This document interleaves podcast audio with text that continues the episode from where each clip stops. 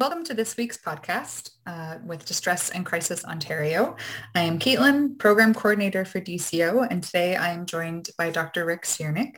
Am I saying your name correctly? You are, yeah. Perfect. It's good. That's the Anglo version of it. Czernik if you're Hungarian, but Csiernik is awesome. Very interesting. All right, and today we are going to continue some conversations that we've had with Dr. Csiernik over the last little while um, on addictions specifically. Uh, and today we are going to be talking about how uh, an individual who may be struggling with addictions can recognize that addiction in themselves and hopefully seek out the help that they need. So if I was someone who maybe has an addiction, how would I be able to recognize that in myself to be aware of what I'm struggling with? Yeah. Well, that's the most interesting thing because typically most people have no self-recognition until they're quite down the pathway. So mm-hmm. I want to tell you a story since I like telling stories, is that for people who have had children, and, and my sons are 27, 30 now, when you have a child, that child is small. I mean, it's a baby. It fits in your arm. You carry it around. And so you've got this little baby and you carry it around and the little baby goes from like five pounds to 25 pounds to 30 pounds to 50 pounds. And I mean, you spend every day with it. Um, it really is your whole life as a parent, right? Your job is to protect that child, to make sure it grows, to nurture it, to allow it to become big and strong. And then one day you, you turn around suddenly and this little thing that you used to carry around is now this 27 year old strapping 210 pound person who comes home and picks you up and carries you around. That's basically the progression of an addiction. I mean, you just start off having a drink or two every now and then, smoking a little cannabis, which is not legal, of course, after work a day or two. You know, maybe doing a little recreational drugs, your friends every other weekend. And I mean, it's just, it's integrated as part of your life. And I mean, sometimes you have a little more stress in your life or you have a loss in your life or perhaps something traumatic happens. And so you drink a little bit more instead of one or two times a week, it's four or five times a week. Instead of smoking just on the weekends, you now start smoking Tuesday, Wednesday, and Thursday. And so this is basically the pattern is for most people, it's like growing up with your child. You don't see the emergence of when the drug becomes something you control mm-hmm. to when the drug begins to control you. And so the term I use is COP, which is central organizing principle, is just in terms of when you spend more time thinking about using the drug and you spend more time using the drug and spend more time getting money to buy more of the drug. Mm-hmm. And your friends and your family and your recreational activities start becoming less and less and less. So if you're like me and you're younger, you played some pickup hockey, you played some pickup baseball, and those people are gone, and there's new people you're hanging around with you don't recognize from two and three years ago, or the friends you had in high school or college, university, aren't even talking to anymore. Um, the biggest difficulty, though, is that there's this concept called pre-contemplation. In the old days, we used to blame people. Oh, you know you're ruining your life. You know you're not going to work as much. Your, your family's broken up. You're not visiting your kids. And that we said we blame people. But again, literally, as this takes over your life more and more and more. You just don't realize it. So one of the goals is, is to move from the state of pre-contemplation about not realizing how powerful and important the drug has become in your life to one of contemplation, just to even think about it. So in terms of self-recognition is, has my personality changed? Have my friends changed? Have my school or work pattern changed? Do I have different relationship with my parents and my friends and my loved ones? I mean, those mm-hmm. are very the, the fundamental signs of your drug use becoming more prominent in your life. Okay. I think that you make a valid point that to recognize it for yourself, it's it's very difficult. As you say, I, I have a 10 year old and a nine month old. There's a pretty big gap there. Um, but I look at the two of them and I see the differences and I don't remember my daughter when she was the age of my son. And it's it's crazy to see, yeah, how how much change just becomes a part of your everyday. And it's so gradual that you don't really pick up on it until you have a reminder. Exactly. And that's that notion of gradual. I mean you see movies you see um, tv shows where someone uses a drug once and becomes addicted to it. I mean that's convenience for media. It yeah. very is rare. Not that it doesn't occur everything occurs in, in the universe but it's very rare that one single use leads someone to become addicted. It may mm-hmm. again begin to change their lives this notion of the all-encompassing, it's a gradual process, which is also a very important takeaway. because it took something months, if not years, to take over your life. To then mm-hmm. expect yourself to become better or cured in a week or a day or a month, I mean, people are way too hard on themselves. It's a process becoming addicted and it's a process recovering from addiction. That leads very nicely into my next question of where someone would be able to go for help once they realize that their addiction is something that they would like to fix. Yeah. So there is a very uh, extensive addiction treatment network in the province of Ontario if you know about it. And that's the big if. I mean, again, the question is, um, for my job, I have to fly in an airplane. And I have no idea how an airplane works. I know it's there. I know it works. I know when COVID ends, I'll be able to fly in airplanes again. But I have no idea how uh, it actually functions. It's the same sort of thing with addiction treatment system. We have done a good job providing peer resources, professional resources, online resources available. But if you don't know about it, how do you access it? Mm-hmm. So in Ontario, there is um, a helpline that's run through the Center of Addiction and Mental Health. So it's a central number. But every geographic community will have an agency designated as an assessment center. And that's one of two key entry points. And what Assessment Center does is just that. They specialize in understanding addictions. They'll come and have a conversation with you and they'll determine how substantive an issue is it with you and recommend a variety of different types of counseling from very inobtrusive to very intensive. Um, mm-hmm. Um, the other major entry point for someone that has a more substantive problem that's impacting their health is most communities, again, have a withdrawal management center. They're more commonly called detox centers. Uh, both of these are readily accessible. I mean, if you've got um, a computer, you put detox in withdrawal management center, it comes up. Assessment center um, are accessible in, again, most community information agencies. So if you're in a large metropolitan area, um, Hamilton, London, Windsor, um, Sault Ste. Marie, they'll all have them. Thunder Bay, they'll all have them.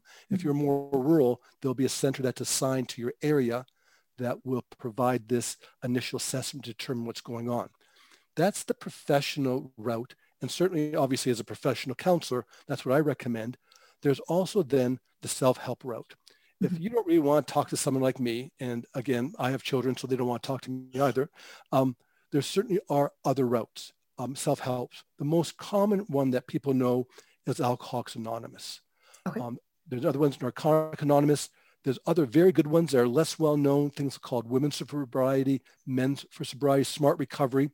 And these are all run by peers. So people who themselves have had an addiction issue, have struggled with it, who know what it's like to have all the problems, to be unsure, and to recover.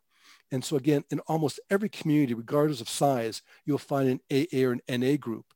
The other thing that's occurred, uh, and this is one of the few good things about COVID, is now literally there is all sorts of online groups. So if you're really not sure, do I drink too much? Do I use too many drugs? You can really pop in, be anonymous, see what people are talking about, and I go, no, that's not me, or, oh, hmm. yep, yep, yep, did that, did that, didn't do that, oh, but did that and did that, and give you a sense of this is a place to go. But I think, Caitlin, the important takeaway is there's no right or wrong thing. Detox centers, great entry point. Assessment centers, great entry point. Mutual aid self-help groups, great entry point. Is just, again, to have that conversation to see if your baby is five pounds and you're still carrying it, or if it's 210 pounds and it's carrying you. Yes. So is there one surefire thing, not surefire, but is there one thing that you would suggest that no matter what, a person who's struggling with addiction who wants to get out of it should do, whether that's they should always try to find somebody to hold them accountable. They should always try to find uh, a safe place to go. Like, is there one thing that absolutely everybody should do, or is it always going to look different for everyone? Yeah. The first thing you should do is not blame yourself. I mean, lots of society said this is your fault. Um, and certainly it's not. Addiction is a very complex phenomenon. There's a biological component, a psychological component, and a huge social component. So the first thing is not to beat yourself up. The second thing is that it's a process. Um, the cool thing about being a counselor in the 21st century is that we don't believe in failure anymore. We believe the fact that you recognize that you could be doing better or something needs to change is the first step. So the first step is saying, hey, could I be better? And now, as a 60-year-old who's just joined a seniors yoga class, I know I can be more flexible. So, I mean, I don't want to trivialize the importance of what addiction does to you, but I didn't realize, you know what, when I was young, I was an athlete, but now as I'm 60, things are stiff and things don't move. Things have just changed. So mm-hmm. I've gone to somebody that knows more than I do. And so that's the second part is that, I mean, your friends are great, your family are wonderful, but we have trained professionals. We have people um, that do this for a living. We have people who've got 20, 25 years of not drinking alcohol, of not using opioids. So it's to talk to somebody that knows more than you. Mm-hmm. And the other thing I'm going to uh, recommend is that anyone tells you they have the cure or the, the way to recover is don't talk to them because you're absolutely right. There is no one single way. Everything is an assessment. Everyone's individual. Everyone has their own story, your own background. So good counseling will find out what you need and support you in your own individualized journey. But yeah, don't beat yourself up. Talk to someone that knows more about you and don't get frustrated if you don't get better right away because it's a slow change process. Just like you said, it takes you a long time to get to a point where you are addicted and it's going to take you probably even longer to get out of it because you've been so conditioned to this state. That's a great word. Absolutely. You just got used to it. And again, with certain drugs, we come to expect it. Again, I joked about my, my background is Hungarian, is that my culture, if you don't drink, there's something wrong with you, hmm. right? So yeah, sometimes we're often battling cultural stereotypes and cultural expectations. Mm-hmm. Once again, you're leading me very nicely into my uh, next and last question for this portion of the podcast. What is something that hmm, there is still a lot of stigma in the community when it comes to addiction. There's a lot of judgment that people face uh, and a lot of judgment that people give when it comes to the area of addiction. Is there any advice that you can give for overcoming that stigma and that fear of being judged that a lot of people face? Yeah, um, I'm not sure if this is um, a hopeful answer or not, but sort of how I lead my life is that um, there's one thing that differentiates humans from all other life on the planet. It's not opposable thumbs. It's not tool making. I mean, birds can make tools, but big apes can oppose their thumbs. But what differentiates us from all other life on the planet is that we know we're going to die. Mm. And so knowing that is that, so what kind of quality of life do I want to have? And yeah, if I ask you what you had for lunch three weeks ago, you probably have no idea. But if you, I asked you one embarrassing thing that happened to you in high school, I bet you can remember right away, right? And this is the whole thing, is that we hang on to those things that have embarrassed and shamed us. Mm. Um, but has it been someone else that's embarrassed or shamed us, or has it hasn't been ourselves? So if I know I've only got so much time to do things that are meaningful, to reform relationships, to go back and commit to my community to do some good volunteer work. If I know I've got this time, do I worry what someone else thinks about me? Do I care what that person in grade 11 laughed at me because I fell down the steps or asked somebody out and they rejected me? Do I still carry that shame and stigma? Or do I go forward and move forward? So yeah, you're right, is that people always judge you. Go on the internet, say something. Mm. There's always someone who's going to disagree with you. And I guess so the biggest challenge, and this is not an easy one, the biggest challenge is to value ourselves and not worry about people who want to put us down for trying to become better. Mm-hmm. And so, yeah, fear is a big thing. We are innately fearful creatures. We are. It keeps us alive. The notion is, um, can you overcome it? What did you do to overcome that shame or that incident in high school? Yeah, did I get turned down when I asked people on dates? Absolutely. Did I ask somebody else out again? Absolutely. Did it cause me a lot of anxiety? Absolutely. So mm. my comment is there is going to be people look down on you. There are people going to be judge you. Do you care about those or do you care about the people who say, hey, you could be more than you are? Hey, I still love you no matter what you've done. Why don't we work together to be better? So don't get those people putting you down. Find those people in your life. And sometimes there'll be someone in an AA group. Sometimes there'll be a professional that says, wow, there's so much more to you. So mm-hmm. find those people that value you for who you are as opposed to people who are putting you down to try and make those better. Hmm. So before we wrap up, uh, the only other thing that I would like to ask if, is if there's anything else that you would like to say to someone who is struggling with addiction right now. Yeah, um, it's about 15% of the population. So if you think you're special, you're not. Come and join the rest of us. There's a whole bunch of us who are working in the addiction field. They're doing mutual aid group. Um, there's a, I mean, um, 100 million people on the planet or so, the same problem you got. So you're not special. So come join the silent majority here and come and make your life better. Thank you so much. It's been a pleasure to talk about this with you. Okay, so that's number one done. and uh, thank you. That was very, very interesting for me as well. Um, and we kept it they're well good within. questions, though. Yeah, they're good. I, I like that. And I never know. I honestly never know what I'm going to talk about. And Mhm. this, whole notion, as I get older, the notion of um, talking about death and dying, especially in the era of COVID, is something else we're worried Mhm. about too. And so, if you spend your whole life living in fear, you're going to be end up being 75 and never having done anything. So. Um, that's sort of a little personal thing, of my own thing to sneak in there. But I mean, you said yourself, you see your 10 year old child in your, your child is less, and you go, how did this child get to be 10? it's honestly ridiculous. Like, obviously I knew that she was growing up too fast even before I had my son, but now it's like seeing the two of them side by side. It's like, how, how did you used to be that? And how will you one day be this? Like, yeah, yeah it's, it's crazy. But, I uh, got this Christmas gift. Uh, actually it's right here. It's called a digitizer, right? okay. And so what I'm doing is I'm taking all my old photographs and making them digital, right? And so literally since Christmas time, I've been going through my life since I was a kid. Yeah. I'm up to 2007 now, right? So I've been sort of going through, and again, you take pictures for the most part of good things. But yeah, I Mhm. got some of those pictures from high school and I go, I was such an idiot.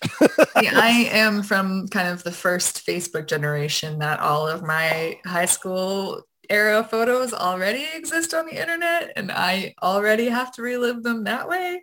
Yeah, I've got albums and albums and albums of photos that I have like since made private. So nobody else has to see that, but I still do. Yes.